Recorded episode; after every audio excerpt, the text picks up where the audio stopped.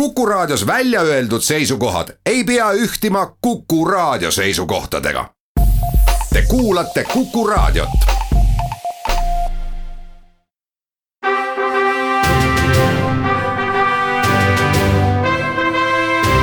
vahetund Tartu Postimehega tere päevast, head Tartu Postimehe sõbrad, mina olen Rannar Raba ja minuga koos siin stuudios on Tartu Postimehe reporter Eili Arula räägime tänase saate esimeses äh, pooles kõige üldisemalt öeldes äh, korruptsioonikaasustest, ajendatuna siis äh, sellest, et endine Tartu abilinnapea Artjom Suvorov nüüd eelmisel nädalal tunnistati teda puudutanud enam kui kaks aastat väldanud pikas kaasuses lõpu, lõplikult õigeks. see on kahtlemata eriline sündmus, aga nüüd, et, et mitte ka kõige päevakajalisematest asjadest kohe siin saates saate alguses mööda minna, siis märgin ära, et saate teises pooles on meil külaliseks Tartu linnapea ja tänasel päeval kahtlemata oluline märkida ka seda, et ühtlasi ka Tartu Ülikooli Kliinikumi nõukogu esimees Urmas Klaas, räägime sellest, mis toimub kliinikumi juhtimistasandil pehmelt öeldes skandaal on seal jätkuvalt keemas. aga võib-olla siis ka Tartu linna juhtimisest ja äh, Raekojas käivatest võimukõnelustest, aga nüüd siis nii nagu lubatud, äh, sissejuhatuseks äh, saate esimeses pooles. Eili, sina kajastasid ähm, või oled läbi aja aktiivselt Artjom Suvorovi niinimetatud või mis niinimetatud, ikka päris sõna otseses mõttes korruptsioonikaasust kajastanud. täna me teame, et kohus ei leidnud Suvorovi puhul ühtki siis tõendatud tegu, mis oleks teda korruptsiooni, korruptsioonikuriteos ei ühel ega teisel moel süüdi mõista, mõista andnud. aga tuletame siis nii palju veel meelde, et kõik algas kahe tuhande seitsmeteistkümnenda aasta oktoobris, mil äh, Artjom Suvorov koos teise äh, Tartu abilinnapea Valvo Semilarskiga, noh, päris käsi raudu meestele ei pandud, aga ega seal nagu palju ei puudunud ka, et maskides kaitsepolitsei ametnikud äh, tulid neile sõna otseses mõttes raekotta järele ja viisid nad paraaduksest välja. kui mitte muud, siis sümboolses mõttes oli tegemist igal juhul šokeeriva hetkega ja kõik see, mis sinna järgnes, on vähemalt sama palju tähendusväärne. tänaseks äh, siis äh, Semilarski äh, kohtulugu endiselt veel kestab. ei ole ka sugugi selge, selge, mis sellest lõpuks saab, aga Suvorovi puhul on asi selge. mees on tunnistatud õigeks Eili, millised olid need peamised, no lihtsalt mälu värskendamiseks mainime ära, et millised olid need peamised alguses siis kahtlustused, hiljem süüdistused, millega prokuratuur selles asjas peale läks? jah, siis kui see kinnipidamine aset leidis, siis oli esiteks muidugi prokuratuur käis välja siis, et kahtlustus äh, seisneb siis korruptsioonis ja, ja midagi, midagi korruptiivset on siis nii Artjom Suvorov kui ka Valvo Semilarski teinud, et et need oli alust kinni pidada. Artjom Suvorovi puhul süüdistusse sai siis alguses pandud nii altkäemaksu võtmine, altkäemaksu küsimine ja ka kelmuse katse esimene kohtuaste Tartu maakohus siis mõistis äh, kõikides episoodides Suvorovi õigeks. Äh, sealt edasi ringkonnakohtusse vaidlustas selle otsuse prokuratuur. Äh, ja seda siis ainult altkäemaksu võtmise ja andmise koha pealt. Ja kus siis ringkonnakohus tegi ka oma otsuse, et Suvorov ikkagi on süüst prii ja samamoodi nüüd ka siis Riigikohus eelmisel nädalal üldse ei võtnud seda prokuratuuri edasist kaebust äh, menetleda ja, ja jäi siis ringkonnakohtu ja ka siis maakohtu otsus jõusse, et et ei ole Artjom Suvorov siis altkäemaksu ei võtnud, ei küsinud ja ei ole ka kelmust äh, toime pannud. et mis nüüd äh, mis nüüd äh, puudutab seda altkäemaksu võtmise sisu, siis tegelikkuses ähm, siin asi läks nagu tõendamise peale või õigemini, kuidas, kuidas siis prokuratuur ja kuidas uurijad vähemasti proovisid siis äh, oma kahtlustele kinnitust saada, et Suvorov on siis altkäemaksu äh, saanud ja, ja võtab seda hea meelega. Et äh, nad läksid siis matkimise teed, ehk siis äh, oli üks tegelane kes siis väidetavalt tahtis saada toetust oma, oma spordiklubile ja läks selle, sellega, selle murega siis pöördus Artjom Suvorovi poole, kes oli siis vastava valdkonna abilinnapea ja püüdis siis talle anda nii-öelda hea nõu eest tasuna konjakit, kinkekaarte, seda korduvalt. Hiljem siis tuli välja, et tegemist oli kaitsepolitsei ametnikuga, kes siis äh, surus, surus seda meelehead Artjom Suvorovile peale, kes siis äh, Suvorov ise nii kaitsekirja, tema kaitse Aivar-pilve kirjeldustes kui ka tõend, tõenditest ilmnes, et ei olnud väga aldis vastu võtma siis ei kinkekaarte, ei konjakit, rääkis sellest isegi linnapeale Urmas Klaasile, et näed, üks mees käis siin ja pakkus mulle ja jooksis minema enam-vähem, kui talle need pudelid või kinkekaardid anti, et mis ma teen. Urmas Klaas soovitas talle, et anna kindlasti tagasi, et jumala eest, et see ei ole, see nagu ei kõlba kuskile. ja ühesõnaga, ja kohus siis nägi kogu selles asjas, et et tegelikult see kaitsepolitseiametnik niimoodi ei oleks ikka tohtinud käituda, et see ei ole normaalne viis äh, siis äh, panna inimest nii-öelda fakti ette ja siis tunnistada ta altkäemaksu võtjaks, kui ta tegelikult noh, see ei, päris, päris nagu loomulikuna välja ei näinud, et Suvorov nagu hea meelega ei, ei võtnud, et oh, muidugi anna siia see ja teine ja kolmas asi siis. et, et ühesõnaga selle, selle varalt kukkus, kukkus see kogu kaasus sisuliselt kokku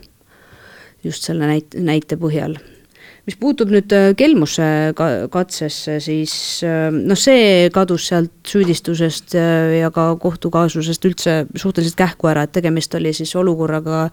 kus väidetavalt Suvorov oli helistanud ühele Tartu linna kodanikule, kes on aastaid tahtnud saada luba või tähendab võimalust osta linnalt siis omale korter, ta elab praegu munitsipaalkorteris või on pikalt ka elanud seal ja, ja tema siis äh, tegi avalduse politseile sel-, selles osas, et justkui oleks Artjom Suvorov äh, esitanud ennast vale nimena kellegi Mihklina, äh, pakkunud võimalust osta linnalt korter ja, ja küsinud selle eest siis viis tuhat eurot. Ähm, see episood küll kuidagi tõendamist ei leidnud ja kohus seadis siis selle proua ütlused kahtluse alla, nii et samamoodi see kadus sealt üsna kiirelt ära vot ja no ja ühesõnaga selle paari aasta jooksul, mis siis on nüüd menetletud peaasjalikult nii ringkonnakohtus kui ka riigi, eh, noh, riigikohtusse läks prokuratuur ka selle väitega, et ikkagi see kaitsepolitseiametnik, kes üritas seda kuritegu matkida, on igati õigesti käitunud ja see peaks näitama Suvorovi sellist äh, valmidust võtta vastu äh, endale meelehead, ehk siis altkäemaksu, ükskõik mis see siis oli siiski, siiski kohus äh, sellega ei nõustunud ja, ja, ja oleme jõudnud siia punkti, kus, kus Artjom Suvorov on süüst prii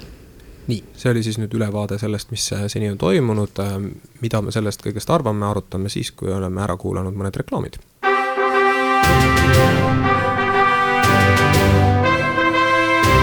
vahetund Tartu Postimehega jätkame saadet, Heili Aru ja, ja Rannar Raba mikrofonide taga. Artjom Suvorovi äh, õigeksmõistmisest äh, või õigemini teda nüüd isegi mitte ei mõistetud õigeks, vaid riigikohus ei võtnud äh, viimast apellatsiooni enam arutada, mis siis kinnistas ringkonnakohtu eelmise otsuse, et Tartu endine abilinnapea Artjom Suvorov ei ole toime pannud neid korruptsioonitegusid, milles prokuratuur teda süüdistas. no see, et mees on õigeks mõistetud ja kogu maailm seda teab, eks meiegi oleme sellele ju kaasa aidanud ja teist, teist võima-, võimalust siin ajakirjanduslikus mõttes mõistagi ei ole. see on üks asi, teine asi on siis see, mis äh, paneb kõige rohkem kukalt sügama, et äh, tema poliitiline karjäär ikkagi selle kahtlustuse ja süüdistuse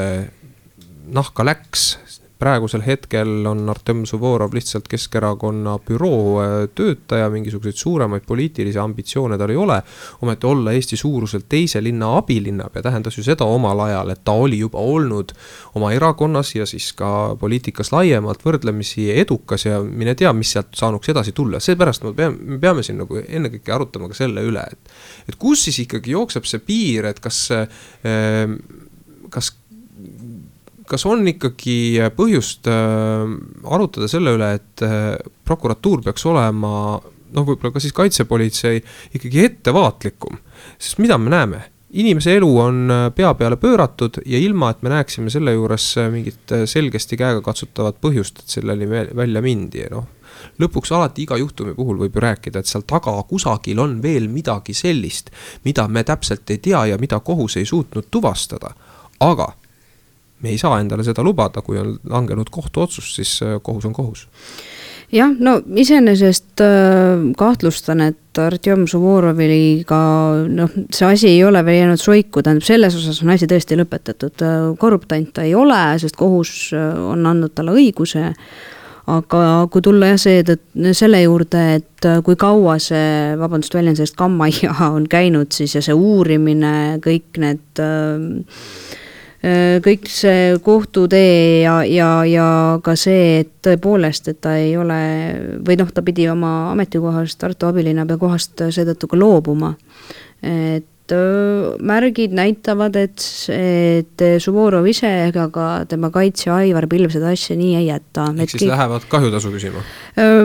ohtu on jah, et millal, mis osas, kuidas see välja hakkab nägema, seda ei osanud Suvorov veel ka ise öelda, sellepärast et ta ei ole veel jõudnud neid asju Aivar Pilvega läbi arutada, aga tõepoolest, et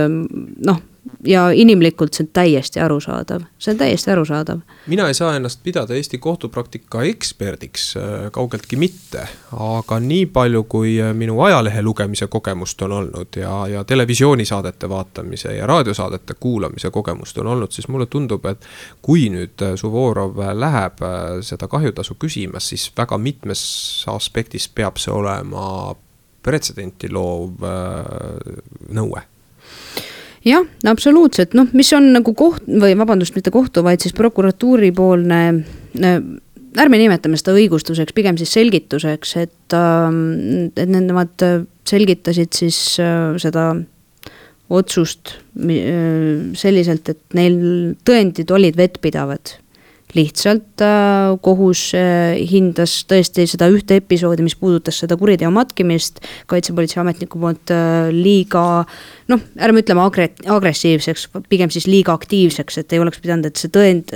noh, et ei olnud, ei olnud vaja minna nagu nii kaugele selle, selle kuriteo matkimisega ja, ja prokuratuur äh, leiab, et nende, nende tõendid on olnud vettpidavad, et nad ei oleks muidu läinud nii kaugele ja see ei oleks äh, jõudnud, äh, jõudnud süüdistuse faasi, et see poleks üldse alguses noh, et kui ei oleks ajendit ja keegi poleks hakanud seda asja uurima, kui seal ei oleks olnud mingisuguseidki juhtlõngu, et, et ja nad ei saa jätta ka edaspidi selliseid äh, asju kontrollimata, kahtlustust äh, ja ka siis hiljem süüdistust esitamata, kui selleks on mingisugused alused, nüüd on lihtsalt see, et et pretsedent selle kahjutasu nõudmise osas võib tõesti tulla, kui suur, mis osas, mis see nagu tähendab, et ei oska üldse ennustada, ei kujuta, ei kujuta ette selles osas, et see on, see on ühtaegu, et mitte öelda naljakas, kummaline juhtum Äh, ja, ja seega ka, seega ka ei tea ilmselt ka prokuratuur seda öelda, et seda juhtimist uurinud eriasjade prokurör Margus Kross ei ole veel pärast põgusat kommentaari tahtnud pikemalt kommenteerida ka seda, seda Suvorovi õigeks mõistvat otsust, nii et noh, eks nemad ka ilmselt ootavad, mis sest, mis, mis sest nüüd mm. -hmm no ma annan endale täiel määral aru, et me räägime siin ikkagi äh, reaalsest inimese elust ja, ja väga mm, tõsistest sündmustest, aga seda ei saa siiski mainimata jätta, et see, mis nüüd edasi saama hakkab, kui me räägime sellest võimalikust kahjutasu küsimusest, on põnev.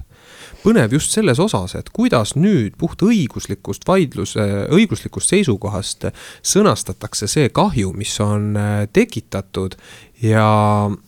mida tähendab üldse, milline kapital üldse ühe inimese jaoks on näiteks abilinnapea ametikoht? milline kapital saab tema jaoks olla äh, poliitiline karjäär, mismoodi seda on võimalik mõõta ja pärast lõpuks siis ka rahasse arvutada, kui see on inimesel käest võetud. fakt on see, et seda on tehtud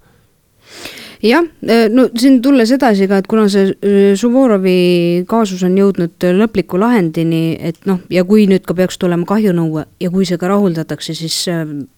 tuletan meelde, et meil on siin süüdistusfaasis ka kaks teist Tartu endist abilinnapead, Kajar Lember ja Valvo Sebilarski, kelle siis noh, ütleme niimoodi, et kelle Äh, kelle asjus uurimine ja ka kohtu, kohtuprotsess on, on üsna venima jäänud, seal on väga paljusid asju juba süüdistus. Lemberi puhul ikka pehmelt öeldes see venima jäänud. jah, just pehmelt öeldes venima jäänud, et, et seal on süüdistusest väga palju asju juba ka olulisi asju ähm, äh, ära kukkunud, mis puudutavad just seda korrup-, korruptsioonikaasust. mõlemad mehed on läinud sellest äh, oma, oma tööst siis saanud lahti tänu sellele või noh selle tõttu, vabandust, et nad on äh, saanud siis kahtlustuse korrup-, korruptsioonikuriteos. Ja kui nüüd tõepoolest äh, Suvorovil mingisugune kahjunõue selles osas esitatakse, siis noh, saame näha, et mis saab siis nii Semilarski kaasusest ja Lemberi kaasusest, kuigi tuletan siin puhul meelde, et äh, kolm meest olid küll Tartu abilinnapead, kuid siiski need ähm, süüdistused kuritegudes äärmiselt erinevad, äärmiselt erinevad. siin on väga libe tee, et teades seda, kui üle kivide ja kändude on läinud ka Lemberi ja Semilarski äh, asja arutamine või uurimine. ja kuidas need venivad, et siis siin on väga lihtne tekitada mingisugust üldistust stiilis, et äh, käpardlik äh, prokuratuur ei saa oma asjadega hakkama ja, ja näed, kuidas nüüd prooviti siit ja sealt erinevaid abilinnapäid maha võtta, et ei tuldud sellega toime. see on libe tee ja selle peale kindlasti minna ei tasu. Artjom Suvorov on õigeks mõistetud ja selle teema kokkuvõtteks mina tahaks ühte asja talle soovitada, ma ei tea tegelikult, kas temas mingisugust indu seejuures on, aga tahaks talle soovitada poliitilist äh, tagasitulekut äh, ma arvan, et sellisel hetkel kergelt äh, sellise äh, märtri oreooliga on võimalik tegusid teha, aga loomulikult sellisel juhul, kui olla ise aktiivne ja Keskerakond, kuhu ta kuulub, Tartus on nõrgas äh, situatsioonis pärast Monika Ranna ümber käinud skandaali. Suvorovil on siin, mille üle mõelda ja võib-olla tegelikult proovidagi järgmisteks valimisteks palju suurejooneliselt tagasi tulla rohkem aega meil selle teema arutamiseks täna ei ole, aitäh Heili, tõmbame otsad praegu siin korraks kokku, käime ära pooltunni uudiste juures ja siis on juba stuudios külaliseks äh, linnapea Urmas Klaas.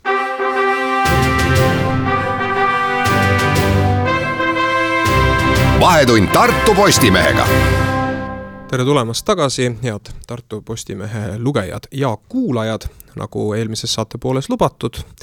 siis äh, saate teises pooles on meil külaliseks äh, Urmas Klaas, kes noh, mõistagi ei ole kellelegi uudis, et tegemist on äh, Tartu linnapeaga, aga täna siis selle meie saate kolmanda veerandi kontekstis ennekõike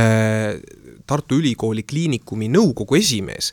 ja kliinikumist ja kliinikumi juhtimisest äh, on meil siin ennegi juttu olnud ja näha on, eriti arvestades tänaseid uusi uudiseid, et äh, see teema ei näita sugugi vaibumise märke lühidalt öeldes, äh, kui äh, varem äh, oli siis olnud juttu sellest, et kliinikumi kliinikute juhid, oma ala head spetsialistid, professorid, arstiteaduse väga tugevad tegijad, olid teinud pöördumise, milles palusid, see oli siis jaanuari esimeses otsas, palusid oma ametist pehmelt öeldes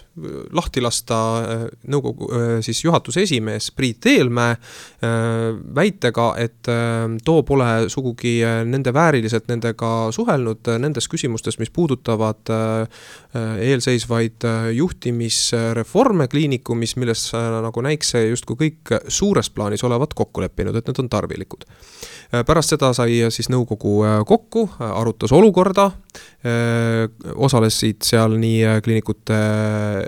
juhid, õigemini nende esindajad, Priit Eelmäe esines pärast seda avalikkuse ees äh, avaldusega, milles möönis, et võib-olla tema juhtimisstiilis on olnud äh, vigu. Ja noh, mingil moel justkui äh, jäi tol päeval mulje, et, et pinged võivadki olla maandumas, kuid natuke hiljem sai juba siis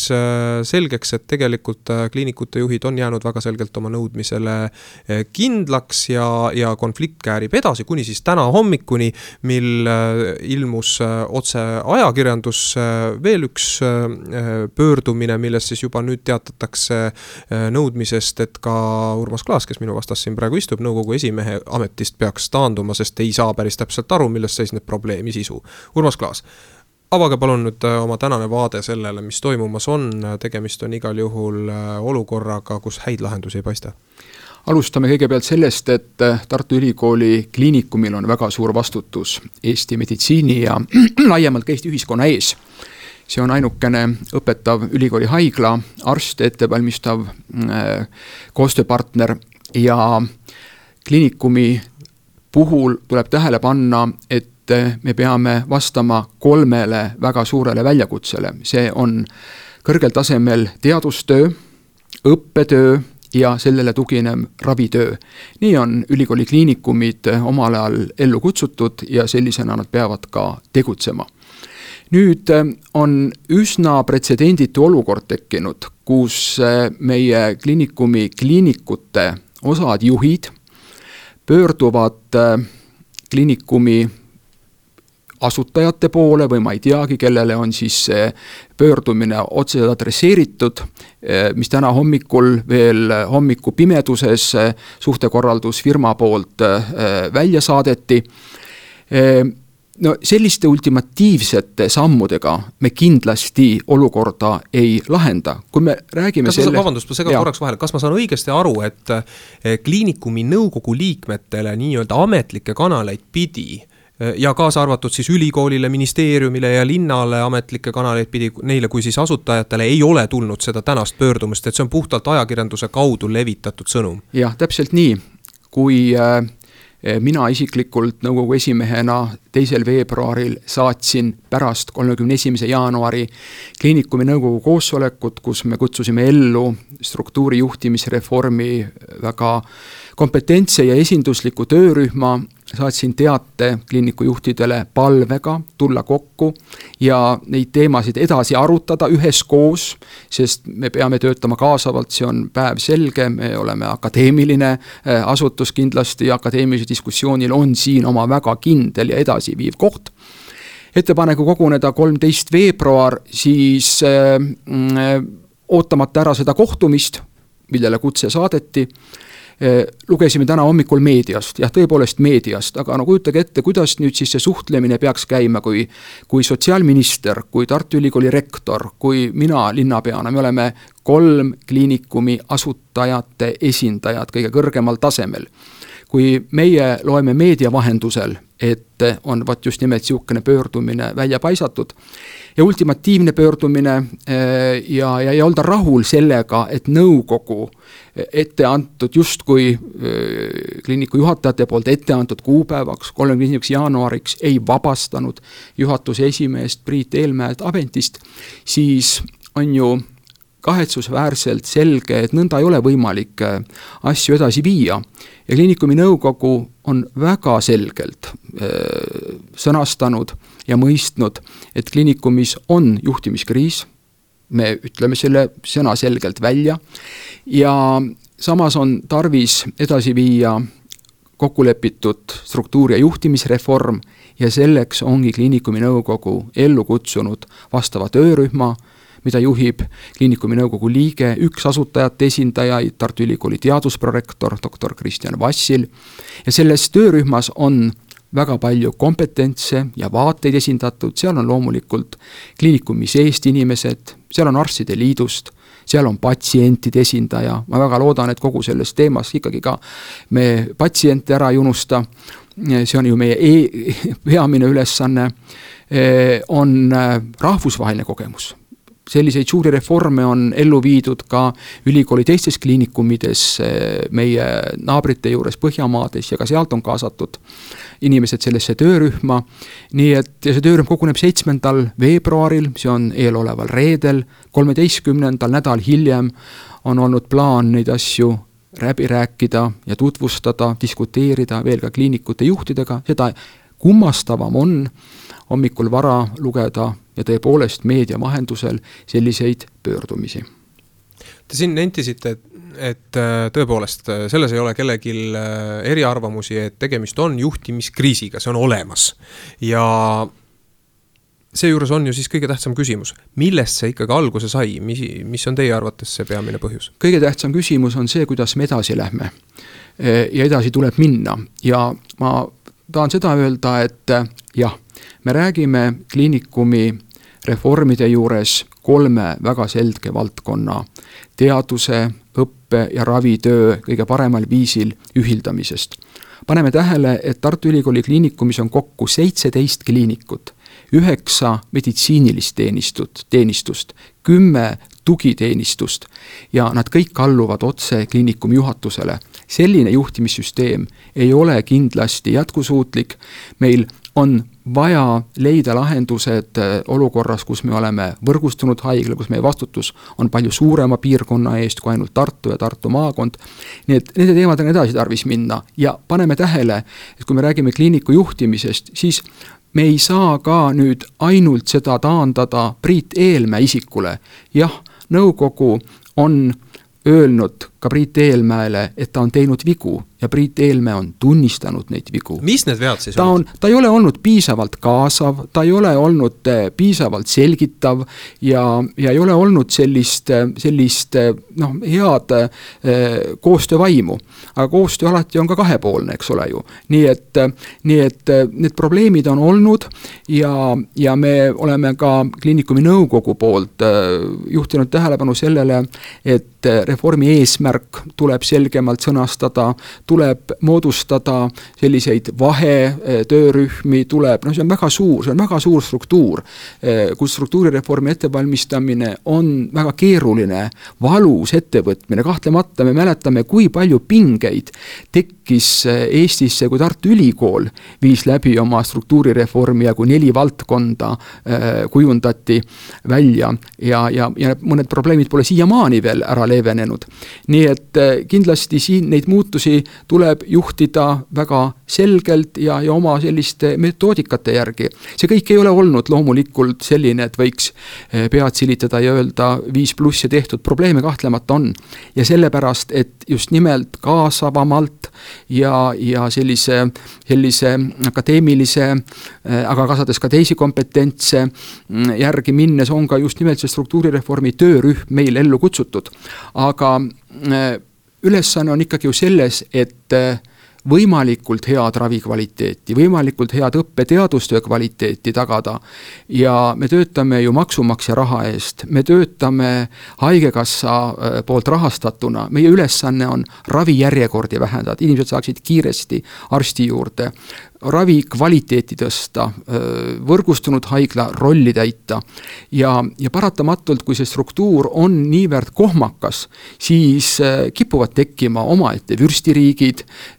kipuvad tekkima sellised ka hallid, reguleerimata alad, nii et igal juhul ja mul on väga hea meel, et ühine arusaam nende reformide vajalikkusest on olemas ja nendega lihtsalt tulebki edasi minna, aga veel kord nõukogu on pakkunud konstruktiivseid, konkreetseid lahendusi ja ultimaat-, ultimaatumitega, kus me pannakse nõukogule, asutajatele ette kuupäevi, kus tuleb millekski midagi ära teha,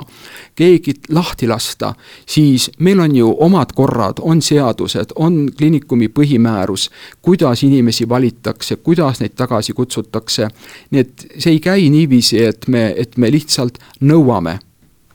teeme väikese reklaamipausi ja siis saate viimases veerandis samal teemal mõistagi jätkame.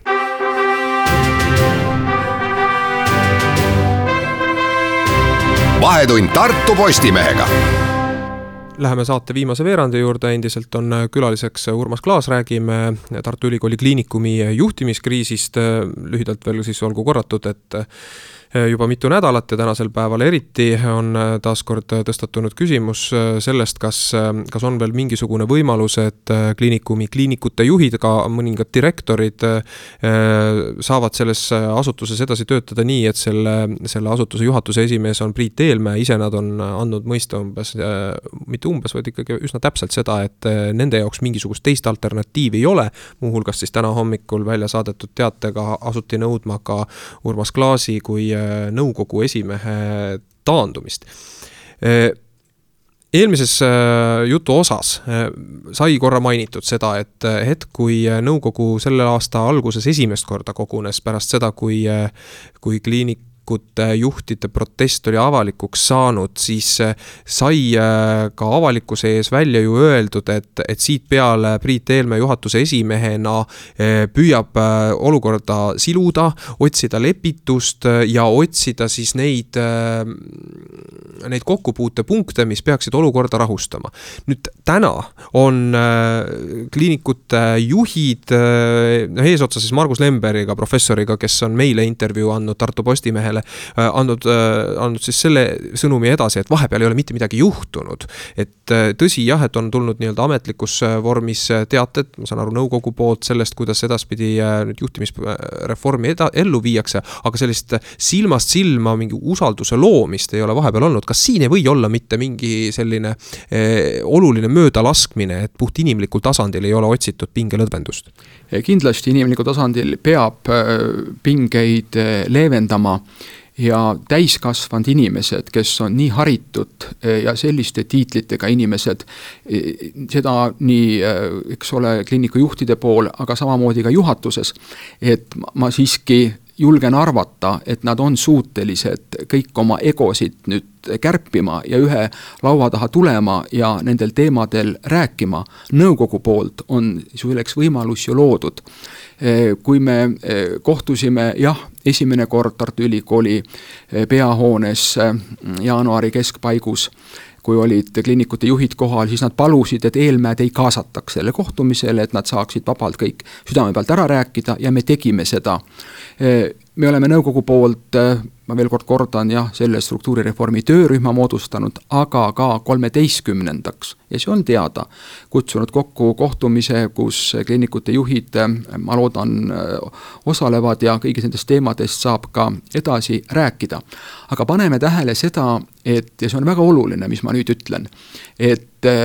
Tartu Ülikooli kliinikumi töö ei seisne ju ainult selles struktuurireformis ja juhtimisülesande ümber käiv teema. sellega paralleelselt on kliinikumis väga palju asju, mida on tarvis teha ja mida ka juhatus teeb. algamas on Tartu Ülikooli Kliinikumi ja Haigekassa vahelised läbirääkimised äh, ravimahtude äh, ja, ja uute lepingute üle. kui me sellist äh, tüli edasi külvame, siis ma küsin, et kes läheb kliinikumi poolt neid läbirääkimisi pidama äh, ja, ja, ja millises olukorras me siis oleme läbirääkijatena, kui me ise ennast siin praegu selliselt nõrgendame. nii et ma ikkagi äh, olen seda meelt ja kutsun üles kõiki inimesi ühise laua taha ja täiskasvanud inimestel on võimalik äh, ühisosa alati leida. ma ei saa ikkagi jätta veel kord äh, tulemata tüli algpõhjuse juurde mul ajakirjanikuna on kahtlemata see voli rääkida asjadest niimoodi, nagu inimesed kuluaarides räägivad ja mina olen kuulnud ikkagi väga palju neid väiteid või ka küsivas vormis lauseid, et kas mitte ei ole asi ikkagi niimoodi, et professorid lihtsalt ei talu seda, et kliinikumi juhataja, juhatajaks on füsioterapeut, mitte arst. ja see on, ongi, nagu te ise mainisite, nii-öelda egode küsimus ja mitte midagi enamat vaadake, äh, ajakirjanikud äh, ei pea olema alati viisakad, aga mina pean olema viisakas. ja, ja sellepärast ma nii reljeefselt ei soovi väljenduda, aga äh, ma toon sellise näite kõrvale, et Põhja-Eesti Regionaalhaiglat juhib ju juristiharidusega inimene, kes saab selle tööga väga hästi hakkama. ja tervishoiuasutuse juht ei pea olema kindlasti arst, ei pea olema kindlasti doktorikraadiga arst. aga ja, kui see on ülikooli kliinikum? jah, ta peab olema kompet-, neid näiteid on erinevaid. Äh, oluline on see, et juhatuses oleks see kompetents esindatud ja Tartu Ülikooli Kliinikumi juhatuses on esindatud doktor äh, Andres Kotsar, kes on rahvusvahelise kogemusega arst, ta on ravijuhi ülesannetes, et ka see pool on seal ju olemas. mis nüüd edasi saab? Kas te olete täna rääkinud Priit Eelmäega, milline on olnud äh, teie signaal talle? ehkki ma saan aru, täna olete te juba ise äh, rünnaku ohvriks äh, või noh, mitte siis ohvriks, aga objektiks sattunud. ma olen täna loomulikult rääkinud väga põhjalikult sotsiaalministriga, Tartu Ülikooli rektoriga ka kohtunud, loomulikult ka Priit Eelmäega rääkinud. ja me näeme seda, et ja ma olen rääkinud Tartu arstidega, olen rääkinud Arstide Liidu presidendiga, minuga on ühendust võtnud perearstide esinduse juhid ja, ja neid vestlusi on olnud erinevaid ja, ja väga palju nii et äh, nende vestluste pealt mm, on ikkagi väga selgelt välja toodav see, et tehakse õiget asja. kliinikumi juhatuse esimees täidab ju asutajate ja nõukogu otsuseid. jah on tehtud vigu, ma ütlen veel kord. ja, ja, ja nendest tuleb kindlasti õppida ja nende, nende oluliste muudatustega on tarvis edasi minna. nii et äh, näeme seda, et äh, kliinikumis on ju ka väga palju, väga palju seda meeleolu, kus öeldakse, et, et äh, niiviisi ei saa edasi minna, nagu siiani on olnud. loomulikult ma hindan väga kõrgelt seda, mis on tehtud. aga me kõik peame nägema, et on tarvis muudatusi, veel kord ütlen, on hea, et muudatusi mõistetakse, aga kui neid mõistetakse, siis head äh, kliinikute juhid, siis tuleme nende sõnade tagant välja ja lõpetame selle sellise liivakasti mentaliteedi ja, ja tuleme ja räägime silmast silma ja võtame ka kliinikumi siis ikkagi juhatuse esimehe sinna laua taha, et äh, ehitame seda ühisosa äh, ning ärme tegele ultimaatumitega ja, ja vastandumisega. me ju juhime tähelepanu kõrvale päris asjadelt ja, ja kui sõnad on sellised, et justkui tahame, näitame siis tegudega, et me ka reaalselt viime ellu need mõtted kuivõrd, kuivõrd teis on usku, et äh, see asi saab ikkagi laheneda veel nii, et keegi ei taandu oma, äh, oma ametikohalt erakorraliselt? meid jälgitakse ju väga tähelepanelikult ja, ja jälgivad meid arstitudengid, jälgivad äh, kliinikumi töötajad ja, ja oluline on see, et, et leitakse ühisosa ikkagi. Ja, ja mina usun, et kui kõik ühe sammu tagasi astuvad, siis on võimalik pärast kaks sammu kõigil edasi astuda suur tänu, Urmas Klaas, et äh, tulite tänasel päeval oma vaatenurka esitama, mina siis esinen äh, nüüd veel omakorda meie kuulajate ees pisikese vabandusega. see, mille pärast me Urmas Klaasiga tänase saate teise poole kokku leppisime, ehk siis äh, Tartu linna võimukõnelused jäigi täna äh, akuutsemate teemade tõttu kajastamata, aga pole hullu, võimalusi selleks tuleb kindlasti veel ja veel, kui mitte raadioeetris, siis Tartu Postimehe ajaleheveergudel olete teretulnud jälgima. kohtumiseni saates Vahetund Tartu Postimehega taas järgmisel nädalal.